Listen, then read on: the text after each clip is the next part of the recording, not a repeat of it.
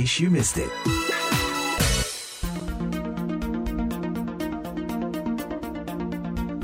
Pendengar Anda tengah mengikuti acara In Case You Missed It VOA Voice America Washington DC bersama saya Leona Triono. Selain melalui streaming di website kami www.voaindonesia.com dan lewat siaran stasiun-stasiun radio afiliasi VOA di Indonesia, acara ini juga bisa disimak melalui podcast via streaming provider atau aplikasi pilihan Anda. Baik, segera kita mulai. Kita temui tamu kita kali ini, Pak Kin Sanubari dari Subang, Jawa Barat, salah seorang aktivis pendengar siaran radio dalam negeri maupun luar negeri. Kebetulan tanggal 13 Februari ini hari radio sedunia. Jadi tepat sekali mewawancarai orang yang selama ini menjadi aktivis pendengar radio di Indonesia dan siarannya tidak terbatas hanya dari Indonesia tapi juga dari luar negeri. Dan yang paling hebat, beliau ini seorang kolektor tentang kolektor apa itu nanti kita tanyakan saja. Sebelumnya saya minta maaf dengan background suara yang mungkin mengganggu karena ketika wawancara ini sedang berlangsung di Subang sedang terjadi hujan yang sangat deras. Alright, let's get started. Terima kasih atas kesediaannya berbincang-bincang dengan VOA. Pertama mohon mungkin bisa perkenalkan diri secara singkat silakan. Salam jumpa semua pendengar VOA di mana pun berada. Saya Kim Sanubari dari Subang kebetulan orang mengenal saya di sosial media sebagai salah seorang kolektor media yang ada di Indonesia. Salam jumpa. Terima kasih. Nah, ini kolektor media ini media apa saja yang dikoleksi ini? Ada beberapa surat kabar, majalah dan tabloid yang mungkin orang tidak menyimpannya. Saya dari tahun 50-an 60 hingga 70-an ada surat kabar lokal maupun terbitan mancanegara, Pak. Kalau dari mancanegara, bagaimana Anda bisa mendapat surat kabar luar negeri? Caranya bagaimana itu? Kebetulan saya seorang pendengar, pendengar radio siaran luar negeri. Sejak tahun 80-an ada beberapa koresponden atau para penyiar yang bekerja di radio luar negeri berkenan mengirimkan beberapa surat kabar yang terbit di negara mereka dan saya bersyukur bisa mendapatkannya, Pak. Apakah ada dari Amerika? Ada beberapa, di antaranya USA Today, Pak. Dari mana saja luar negeri yang ada? Kebanyakan dari Australia dan lainnya, seperti Jerman dan Prancis saya ada koleksinya Pak. Jadi dari hobi mendengarkan radio dan koresponden dengan beberapa kedutaan yang ada di Jakarta, saya dikirimi beberapa majalah dan koran yang terbit di negara mereka Pak. Oh jadi Anda tidak perlu mengeluarkan uang untuk membeli dalam hal ini ya? Ya, demikian Pak. Jadi itu dari bagian penerangan kedutaannya masing-masing biasanya Pak. Kemudian Anda mendengarkan radio tadi sejak tahun 80 tadi ya. Siapa yang mengilhami, yang mendorong Anda menjadi pendengar radio ini? Ya, tadinya orang serumah Pak ya, kakek dan orang tua suka mendengarkan siaran radio PRRI. Juga banyak radio luar negeri yang disiarkan termasuk suara Amerika atau VOA. Kemudian koleksi Anda ini, koran dan tabloid dan majalah tadi, kalau dihitung, itu ada berapa sekarang ini? Untuk jumlah penerbitan mungkin ada sekitar 300 penerbitan, Pak. Kalau jumlah eksemplar mungkin ada ribuan atau lebih. Dan itu sudah disortir dari 300 penerbitan yang ada di Indonesia maupun di mancanegara. Kebetulan sebagian besar surat kabar yang ada sudah tidak terbit lagi semenjak pandemi corona ini.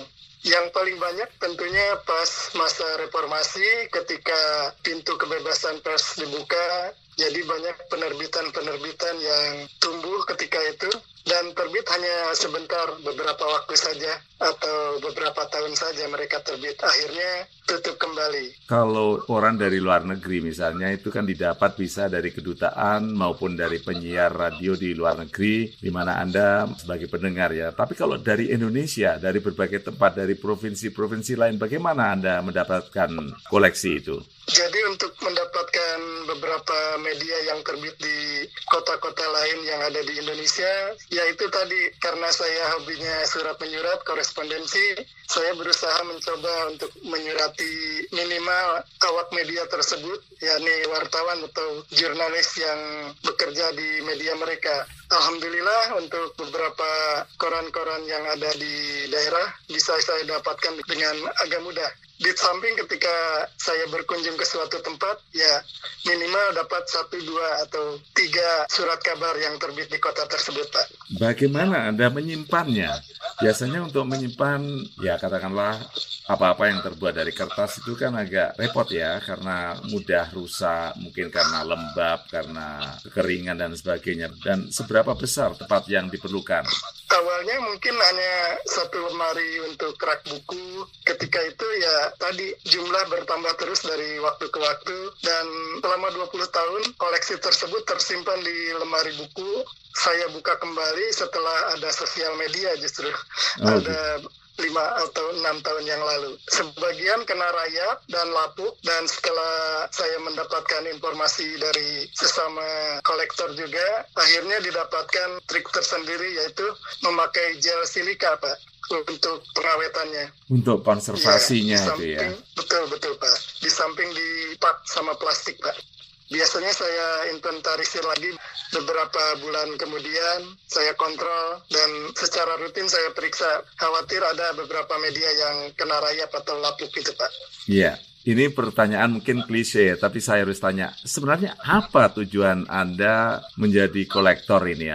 Di samping hobi membaca, ya akhirnya saya tertarik dengan beberapa media yang sampulnya atau di halaman muka yang cukup mengundang keingintahuan. Misalkan untuk tahun 90-an ada Perang Teluk, atau ada peristiwa konser musik, atau film yang layak untuk ditonton atau acara-acara televisi pak tadinya awalnya itu akhirnya setelah saya cermati ah ini ada sesuatu yang menarik di balik itu. Maka disimpan. Dan puncaknya tadi pas ada sosial media baru kebuka lagi gitu pak.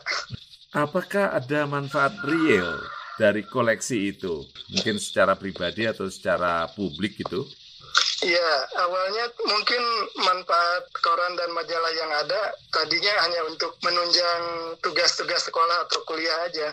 Misalnya kita membutuhkan berita tentang olahraga atau ekonomi, misalkan kurs valuta asing yang ditugaskan dari sekolah ataupun berita-berita lainnya.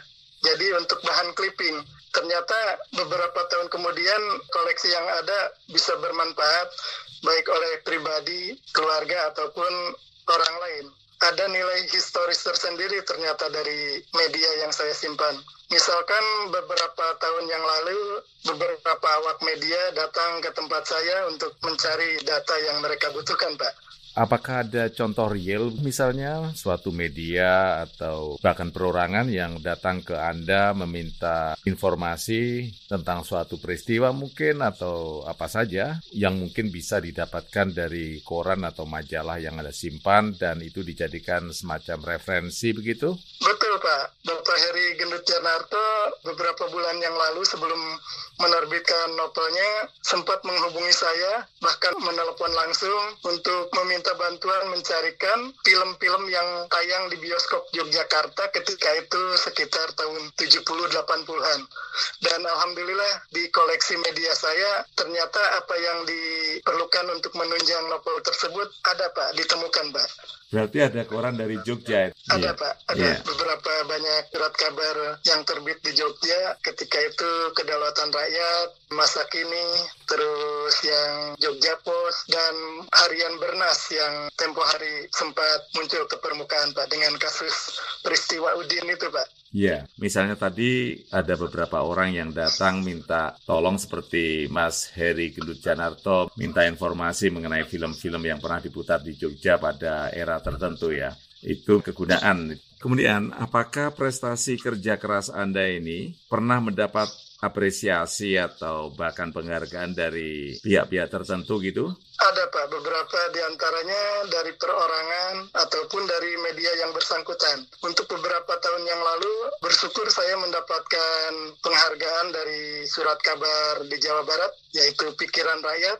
Mereka sempat dalam suatu acara ulang tahun mereka ke Lima Windu ke 40 tahun mereka menganugerahi saya sebagai pembaca pikiran rakyat terloyal gitu Pak. Dan hmm. diundang dalam suatu acara Juga dua tahun yang lalu saya sempat dikunjungi oleh kawak media Kompas Gramedia Group dalam hal ini divisi majalah dan tabloid, yakni para jurnalis yang diasuh oleh almarhum Bapak Arswendo Atmawiloto, Pak.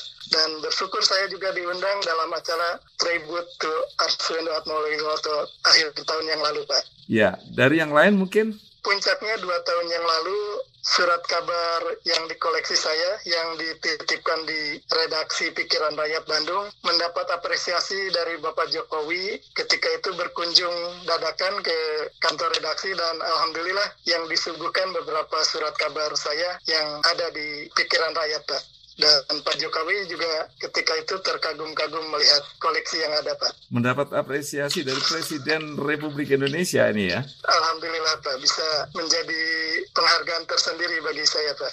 Wah, ini terima kasih sekali sudah banyak informasi yang diberikan, tapi mungkin ada hal lain yang ingin ditambahkan, silakan.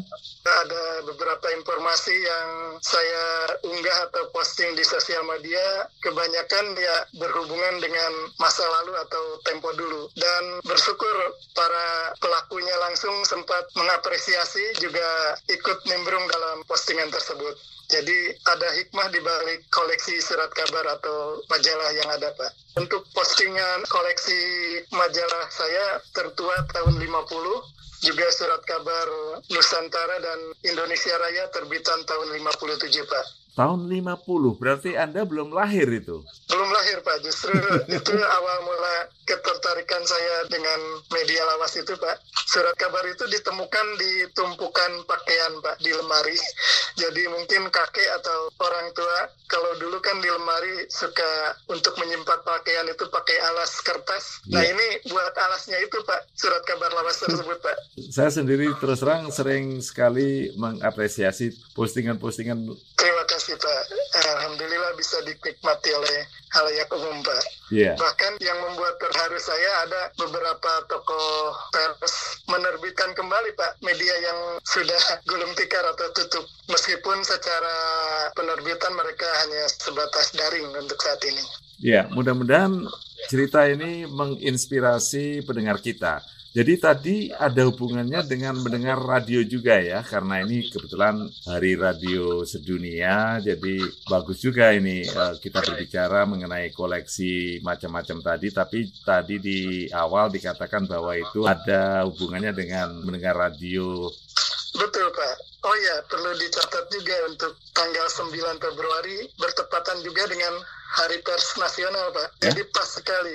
Jadi pendengar wawancara ini mengenai koleksi surat kabar dan sebagainya yang ada hubungannya dengan pers tentu saja, termasuk surat kabar, majalah, tabloid, dan ini tepat sekali bahwa tanggal 9 Februari di Indonesia kita merayakan Hari Pers Nasional. Jadi harapan Anda apa kira-kira untuk pers nasional kita ke depan? Harapan saya mungkin semoga pers nasional bisa bangkit kembali dengan meskipun di tengah pandemi ini ya media cetak tentunya mempunyai ciri khas tersendiri bisa lebih mendalam dalam memberitakan suatu peristiwa atau kejadian tertentu dibanding media lainnya juga terima kasih atas atensi dan apresiasi juga supportnya suatu kebanggaan tersendiri bagi saya bisa hadir di acara yang disiarkan oleh VOA Pak. Terima kasih. Pendengar Anda baru saja mengikuti acara In Case You Missed It VOA Voice America Washington DC bersama saya Leona Triono. Dan tamu kita pagi ini, Kim Sanubari dari Sabang, Jawa Barat, seorang kolektor media lawas yang pasti sangat langka di Indonesia.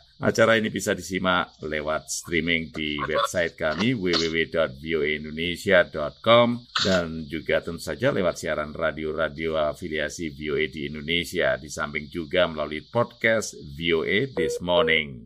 Sekali lagi terima kasih untuk Kang Kim Sanubari. Sama Pak Pak, hatur nuhun. Salam sejahtera untuk semua pendengar VOA di mana pun berada.